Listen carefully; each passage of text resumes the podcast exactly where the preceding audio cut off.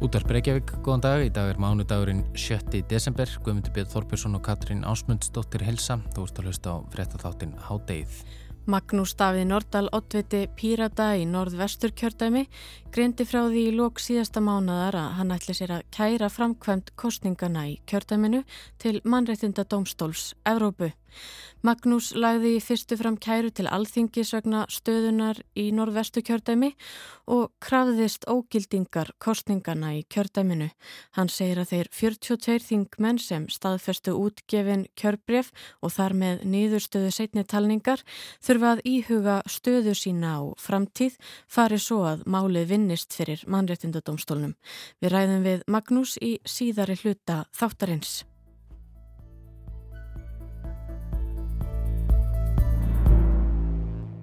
En við byrjum í Östuríki. Sebastian Kurz sagði af sér kanslaraembætti í Östuríki í haustvegna spillingamála. Hann var yngsti kanslarinn í sögulandsins aðeins 31 ás þegar hann tók við embætti. Í síðustu viku sagði hinn nú 35 ára gamli Kurz formans embætti sínu í Östuríska þjóðarfloknum lausu og hvaðst vera hættur í stjórnmálum. En hver er þessi maður? Hvernig komst hann til valda og hvað varðunum að falli? Guðmundur Björn tekur nú við.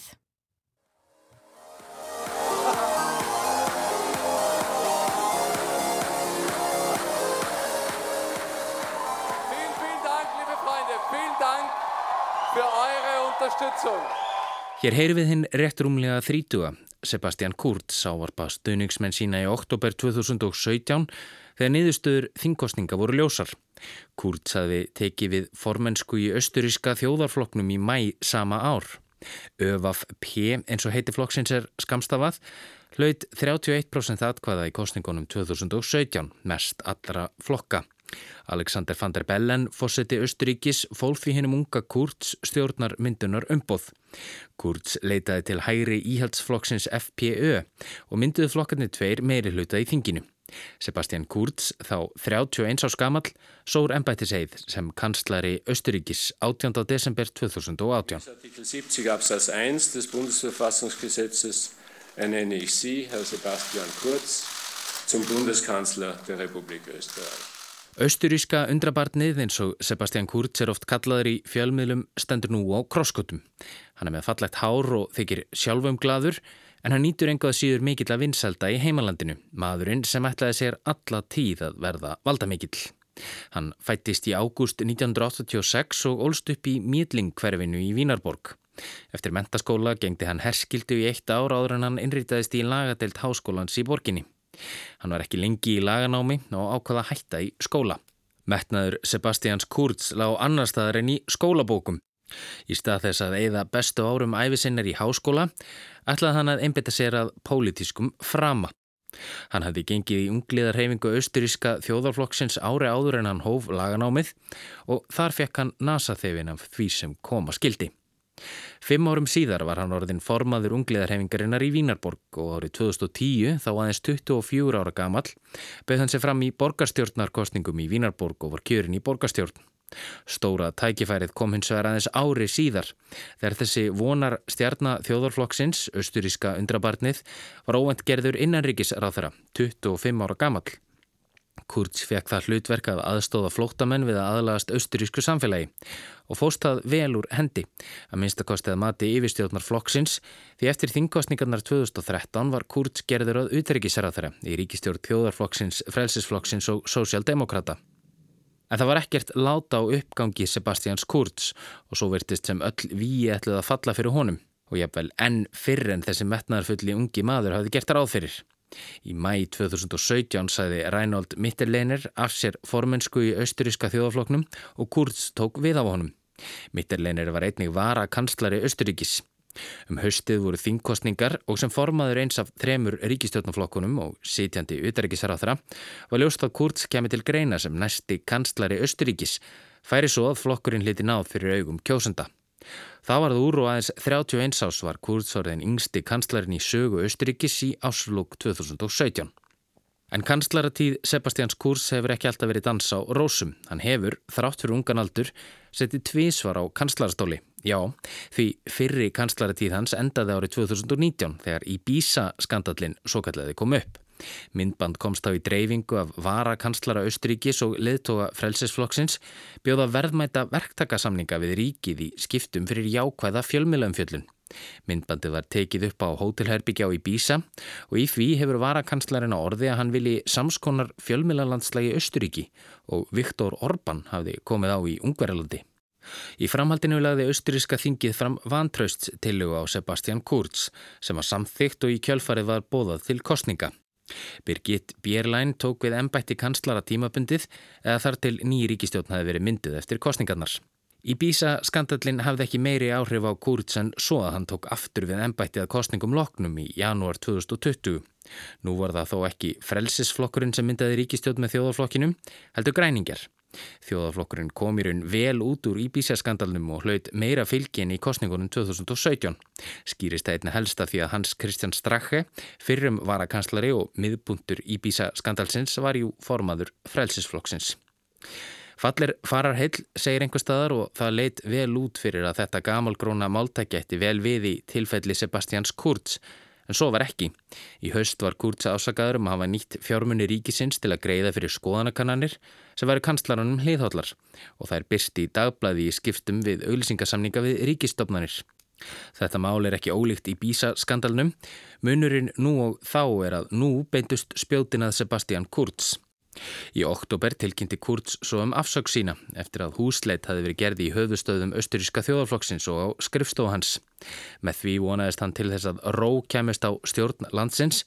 Hann hvaðst þó alls ekki hættur í pólitík og ætlaði sér áfram að vera formaður flokksins og í fossværi fyrir þingflokkin. En nú er annað hljóð komið í strokkin. Í síðustu viku tilkynnti Kurz að hann veri hættur í stjórnmálum. Hann hvað síðustu vikur hafa reynd mjög á sig og dreyður lönguninni til að taka áfram þátt í pólitík. Nú hlakkaði hann til að verja tíma með fjölskyldunni og nýfætum seni sínum. Kurz hvaðast ætla að býða fram yfir áramót með að svipast um eftir nýju starfi, hvað hann tekur sér svo fyrir hendur á eftir að koma í ljós. Kanski er komið tími til að setjast aftur á skólabekk og klára laganámið.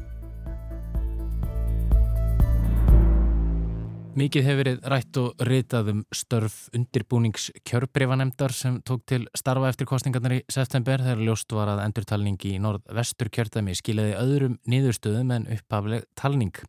Eftir endurtalningu breyttust atkvaðatölur allra frambóða lítilega en einnig fjöldi auðra og ógildra seðla sem og hildar fjöldi talina atkvaða. Með þeim afleðingum að útlutin í öfnunarsæta á landsvísu breyttist verulega. Þetta gerir það verkum að Rósa Björg Brynjólfsdóttir, samfélkingu, Holmfríður Átnádóttir, Vinstir Grænum, Guðmundur Gunnarsson, Viðreist, Leni Rún, Taha Karim Pírötum og Karl Gauti Hjaldarsson miðflokki duttu út. En í staðinn duttu inn á þing Jóhann Páll Jóhansson samfélkingu, Orri Páll Jóhansson vinstri grænum, Guðbrandur Einarsson viðreist, Gísli Rafnólásson Pírutum og Bergþór Pálsson, nei ekki Bergþór Pálsson, Bergþór Ólásson eh, miðflokki. Alþingi var loks sett 2005. november, tæpum tveimur mánuðum eftir kostningarinnar. Uh, fyrsta verk þingheims var að kjósa um tillögur undirbúinir skjörbreðanemndar um hvað skildi gera. Atkvað greiðsla á alþingjum tillögur nefndarinnar endaði með því að kjörbreyf allra þingmanna voru samþygt með 42 atkvæðum gegn 5.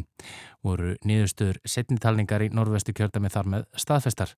Tillögur um að staðfesta öll kjörbreyf nema í norðvestur kjördami var feld og sömulegist tillagum að ógilda kostningarnar á landinu öllu. Allir þingmenn samþýttu kjörbreyf í 5 af 6 kjördamum landsins. Í kjölfar endurtalningarinnar gaggrindi Magnús Davíð Nordal, oddviti Pírata í Norvestur kjördami það að umbósmaður listan skildi ekki hafi verið látin vita af endurtalningunni og að kjörsælar skulle ekki hafi verið innsiklaðir eftir að fyrir talningu laug og þar til hafist var handa við endurtalningu. Formaður yfirkjörstjórnar í Norvestur kjördami staðfesti að kjörsælarnir hefði verið skildir eftir í talningasalnum á Hotelborganis á þessu tímabili og að salurinn hefði einungis verið læstur en ekki innsiklaður og bar það fyrir sig að það hefði aldrei verið gert. Skýslur yfirstjórn úr öðrum kjördæmum litu hins vegar í ljós að Norrvestur kjördæmi var eina kjördæmið þar sem geimslistaðar atkvæða var ekki innsiklaður eftir að talingu var lokið. Það Magnús Davíð, hann er sestur í haugur, velkom Magnús. Já, sjálfverði. Þú hefur nú ákveðið að kæra framkvæmt kostningana til mannættindadómstóls Evrópu, hvorki meirinu mína. Hvers vegna? Vegna þess að eh, líðræðið í þessu landi er undir og við þurfum að geta treyst í að hér fari fram heiðarlega, réttlátar og, og sangjarnar kostningar. Eh, mér finnst mjög gott að, að þegar þetta mál ber á góma að benda alltaf á grundvallaratriðið í þessu máli sem að hefur í rauninni ekkert breyst frá því upphaf og í rauninni áður en að kjörbrífanemnd kom saman, undirbúinus kjörbrífanemnd og það er auðvitað svo staðrind að við erum með tvær uh, talningar, tvær niðurstöður og tvær samsetningar þingsins. Eh, síðan erum við með eh, þá stöðu að kjörgögn voru ekki innsikluð, vörslur þeirra voru ekki tryggar, þannig að við getum ekki farið í kjörgögnin og talið aftur atkvæðin til að sannreina hvort talningin var rétt. Þannig að grundallar allir í þessa máls og það var alltaf leiði fyrir, við vitum ekki hvort núverandi samsetning þingsins er rétt. Þessu, þessum vafa hefði mátt eigða með því að halda uppkostningu.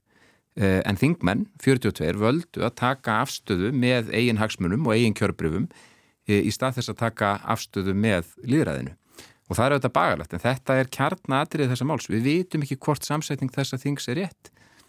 Erstu þá að þarna það að sko, já, þeir þingmenn sem að rannsaka uh, og eru, eru í undirbúinskjörbræðanemdini, þeir eru raunni eru, eru í þessum síðari, síðari hópu og þeir finnst þessu uppkostning hefði þá brátt að fara fram strax. Uppkostning hefði átt að fara, fara fram strax og, og það var nægur tími til þess að gera það og við, við ættum nú að ráða við það að, að, að halda kostningar að nýju í, í þessu minsta kjördæmi landsins. Eh, en auðvitað er það svo að, að stjórnaskráin okkar, það er að segja 47. grein hennar, hveður á um að það sé alþingi sem að hveðurum varandi gildi kostninga eh, og það er auðvitað afskaplega bagalegt að, að þingmenn sem að, sem að hljóta kjör í tilteknum kostningum skuli síðan úrskurða sjálfur um gildi þeirra eh, kostninga. Það auðvitað eh, skýtur mjög skökku við og mannendónstólu Evrópu hefur fjallað um þetta í, í, í dómi hér áður að, að fyrirkomulega þessu tægi brítur gegn E, ákvaði mannendarsáttmála Európu. En hins vegar, þá náttúrulega, hann kom inn um daginn, hann Kári Hólmar Ragnarsson, lektor við Lægadelt Háskóla Íslands, þá, þá var hann að tala um kjörbræðanemdina og undirbúinis kjörbræðanemdina og, og, og, og þar nefndi hann að sko, þetta fyrirkomulega að þingmenn rannsakýrun eigið kjörgengi, það týðkast við það í kringum okkur og er, er, er í stjórnarskráð landa eins og eins og til dæmis, já, Danmarkur, Núrei, mm -hmm. Belgi og hluta til á Ítalju mm -hmm. e, og það er einmitt, svona stuðst við það að, að þetta sé þetta er rótgrúin líðræðisríki e, finnst þér þetta kerfi í sjálfur sér galla það, eða þingmenn séu dómarar í einn sög? Já, það, það er, er ákvæmlega galla kerfi eins, eins og bara sást núna að, að menn kusu eftir, eftir flokkspolítiskum línum e, og, og samþýttu einn kjörbrið þegar, þegar augljósir ágallar lágu fyrir varandi kostningarnar og þeir gáti ekki sagt fyrir um hvort að þessi samsetning þingsins var rétt. Samt sem áður ákvæðu þeir vegna e, eigin hagsmuna að samþykja sín eigin kjörbrið Þannig að þetta kerfi er, er augljóslega eh, ansi bagalegt og ef við hugsaum þetta í víðara samhengi og svona hypotetist, eh, hvað ef að einhver hefði nú og myndi nú ná kjöri á einhverjum tíampunkti með massífum kostningasvikum? Ég er ekki að segja að það svo hefur verið í þessum kostningum, en bara gefum okkar að það geti gæst. Og þessi sömu aðilar sem að svindlaði kostningum eh, myndu síðan fá eh, kjörbrið frá landskjóstjórn og svo úrskur að þeir um gildi eigin kostninga. Þetta er hættan og við þurfum alltaf að hafa í huga hvaða fordæmi eru við að setja og hvað býður kerfið okkar upp á, hvað er mögulegt innan ramma þess kerfi sem við erum með og þessi mögulegi er til staðar að menn sem svindla geti samþygt eh, eigin kostningar eða lagt blessun sín yfir eigin kostningar. Og þetta er náttúrulega það sem mannreittið dómstólinn bendi á í, í þessu máli sem að er já, svipar til þessum mál sem hefur komið upp hér á Íslandi, að það, það komið upp í Belgíu þessum að mm -hmm já, það sem að þingið, það sem belgiska þingið leysir úr kostningakerfi með svona frekar svipum hættu að gert hér og, og, og mannreitinda dórstallin kemst að því að já, máls meðfyrin stæðist ekki kröfur mannreitinda sáttmálans og, og Danir minnum við bentu þá á að sko, já, herðu þetta er nú hérna svona líkið Danmörku og við erum rótgrún líðræðsíki þessu bara að það skiptir ekki, skiptir ekki máli, það eru líkindamilli þessara mála, mm -hmm. þá séu kannski ekki alveg eins mm -hmm. ætlið þið að byggja eitthvað málflutning fyrir mannreitindomstólum á þessu? Já, þetta, þetta er hluti af, af þeim málsástöðum sem að telt verður fram, já, að, að þetta standist ekki ákvæði mannandarsáttmála Evrópu og við þurfum líka að hafa í huga að, að uh, sko, í alþingiskostningum þá kjósu við uh, löggjárvaldið sem að síðan ákveður hverja var með framkvæmdavald og síðan er það framkvæmdavaldið sem að skipa dómsvaldið. Þannig að þegar þetta mál snýst í raunum heilindi kervisins í heild og auðvitað viljum við, ég vil það bara sem borgari hér á Íslandi að heilindi kerfisins séu tryggð og ég geti treyst því að framfæri heiðarlegar réttlátar og sangjarnar kostningar og það sem ekki vafi á því hvort að svo samsetning þingsinn sem við sjáum sé rétt eða ekki. Og það er alveg sama við hvernig tala. E, mínir kollegar, lang flestir í lögumastjætt eru þeirra skoðunar e, að þessar kostningar norðvestu kjördæmi hafi verið ógildanlegar og að þessir ágallar sem þarna voru hafi verið þess eðlis að þeir breyttu niðurstunni það, það voru fimm þingmenn sem duttu út, duttu út og fimm aðri sem duttu inn. Þannig að, þannig að þessi söngur sem að hér var, var sungin alveg frá fyrstu stundu eh, að hálfu tiltekina aðila í samfélaginu að þetta væri nú bagalegt og svo framvegis en þetta hefði ekki áhrif á niðurstöðu kostningarna þetta var auðvitað bara ránt og þetta er ránt en þess að niðurstöðunar breyttust. Þannig að út frá sértækum mælikvarða eh, að það hefði ótt að ógilda þessar kostningar þar fyrir utan voru við með stjórnlagar ás eh, dóminn frá sínum tíma þar sem að e, þær kostningar voru ógildar og grundvelli almenns mælikvarða, þar sem að margir tilteknir, litlir eða misalvarlegir ágallar komu saman og leittu til ógildingar. Í þessu máli eru við hins vegar með þá stöð að við hefum getið ógild þessar kostningar og grundvelli sértæks og almenns mælikvarða. En menn gerðu það ekki. Menn samþýttu eigin kjörbreyf og gengu fram af hörku og vald nýðslu og ég trúi því að þeirra framlýða stundir að þá uh, muni það gerast að mannendastónstól Evrópu muni dæma okkur í vil og þetta með vera til æfanandi skammar fyrir þá þingmenn sem að gengur fram með þeim hætti að leggja blessun sína yfir kostningarnar í, í norðvestur kjördami. En er útlokað að já, þið geti einhvern veginn leita réttar eitthvað að fara með þetta mál fyrir innlenda domstóla? Nú, nú skrifaði Valgerur Solnæs stóðsendu lagadelt Háskóla Íslands á dögunum grein í vefritið Úljót þar sem hún fjallar um, um endurtalninguna og, og og hún svona útilokkar ekki að já, land, landstómstólar gætu tekið afstöðu til, til kostningana. Er, e, er það möguleiki að þið leitið þangað fyrst? Já, þetta er svona í skoðun. Ég semst er ég Sigur Örn Hilmarsson, formanlega í félags Íslands til að gæta hagsmun að minna. Gæti líka hagsmun að Guðmundar Gunnarssonar í viðreist. Þannig að þetta er nú bara í hans höndum en, en ég gerur svona frekar á fyrir því að þetta mál fari bara beint í mannendónslósins. Eh, menn hafa velt þessu emitt upp hvort að það sé hægt að fara með þetta fyrst fyrir landstónstóla eh, 40.7. grein stjórnarskránar hveður á um það að það sé alþingi sem að eh, skýru úr um gildi eh, kostninga og það sé þá endanlegt úskuravald sem þar er eh, svo eru menn með 70. greinina um, um réttin til réttlátrar eh, málsmeðferðar menna, og það er nýri grein heldur en 40.7. greinin menna að hans vísaði hana mögulega mætti koma þessu máli fyrir landstónstóla í einhverju mynd til dæmis í því formi að fara fram á miskabætur, að þú hafi sem frambjóðandi tekið þátt í, í kostningum þar sem þú getur ekki treyst í að niðurstaðan hafi rétt og þú hafi verið nálægt í að komast inn og eitthvað slíkt og er rétt á miskabótum vegna þessar kostningar þannig hafi verið ógildanlegar en þær hafi hins vegar ekki verið ógildar af alþingi. Eh, þetta eru auðvitað bara vangaveltur en, en ég gerur svona frekar áð fyrir því að við förum bara beint í mannandóstós Evrópu. Nú kannski munurinn á þér og, og, og til dæmis Guðmundi Gunnarssoni sem kærið þetta líka er að hann alltaf fjall út af þingi við, við þessar, þessa endurtalingu. Þú varst svo sem ekki inni í, í fyrirtalingunni heldur. Eh, finnst þér það, það að skipta máli? Er, er, ég spyrði þú kannski bara, veist, hvers vegna ertu þá aðeins eiginlega? Já, það er bara sama og ég sagði hér í upphafi, sko, mér er rand um líðræðið í þessu landi, mér langar að búa í landi þar sem að ég get treyst kerfinu, ég get treyst heilindum kerfisins og ég sem borgar ekki tekið þátt í hvort sem það er sem kjósandi eða sem frambjóðandi í heiðalögum, sangjöldum og réttlátum uh, kostningum. Það er náttúrulega mitt uh, grundvallar stef í þessu máli. Uh, nú mér skilst að ef að atkvæði hefðu fallið með sama hætti á öllu landinu en svo breyting hefði orðið í norð-vestu kjördæma, ég hefði fengið 27 atkvæði viðbútt og þá hefði ég farið inn sem jöfnaþingmaður. Þannig að ég var þarna hansi nálat þessu. Nú ég vaknað þarna 27. september uh, ætlaði hann bara að fyrir sund og, og, og lesa bók og leggja þetta hlýðar, ég komst ekki inn.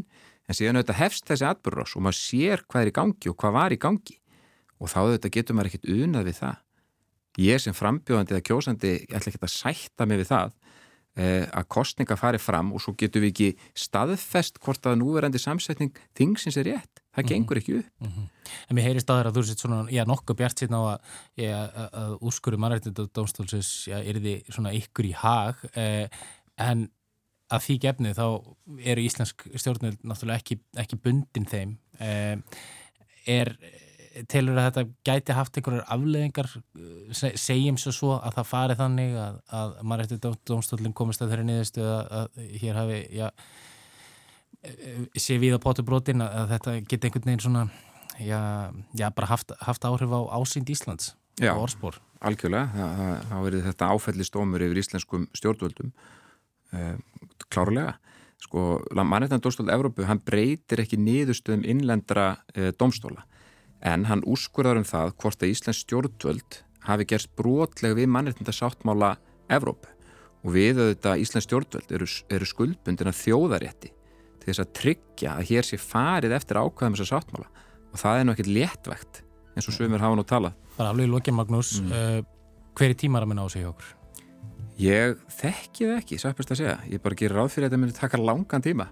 Mm -hmm einmitt að gera það ekki fyrir komuna í háttegið háttegið verður ekki lengra í dag við verðum hér aftur á sama tíma á morgun Þátturinn er einnig aðgengilegur í spilaranum og á hlaðvarpsveitum og þá er þetta að senda okkur post með ábendingum á netfangið háttegið hjá rúf.is Verðið sæl